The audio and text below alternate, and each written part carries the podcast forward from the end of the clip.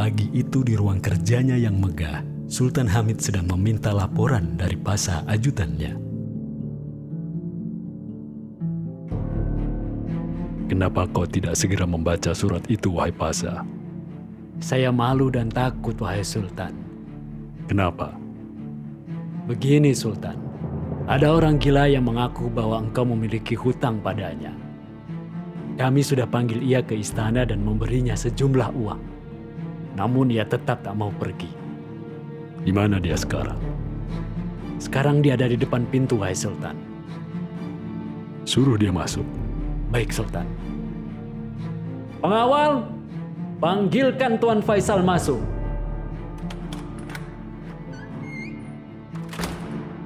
Dengan raut muka serius, Sultan Hamid menanti kedatangan Tuan Faisal masuk ke ruangan untuk menghadapnya.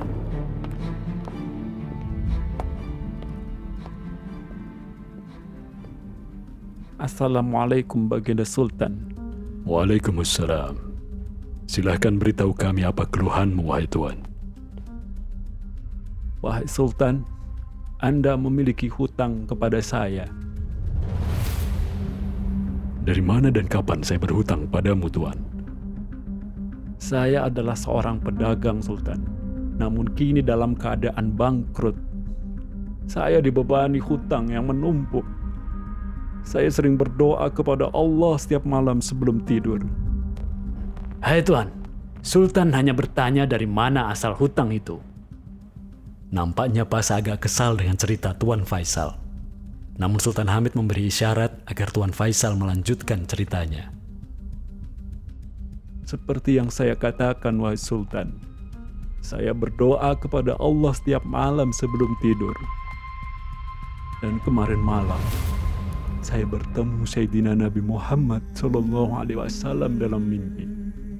Seketika Sultan Hamid terkejut saat mendengar nama baginda Nabi disebut.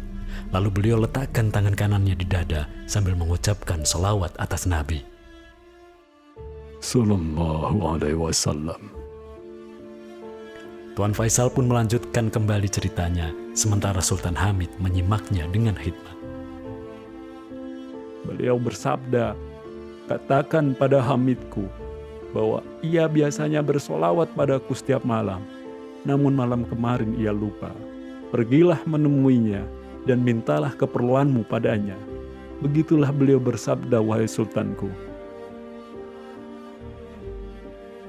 Seketika setelah Tuan Faisal berhenti bercerita, Sultan Hamid lalu berdiri dari duduknya dengan tubuh gemetar sambil memegang tongkat dan tatapan mata yang kosong ke depan. Sang Sultan bertanya, Bagaimana tadi sabda beliau? Tuan Faisal pun langsung menjawab, Hamidku Namun tiba-tiba Sultan mengangkat telapak tangannya, memberi isyarat agar Tuan Faisal berhenti melanjutkan perkataannya.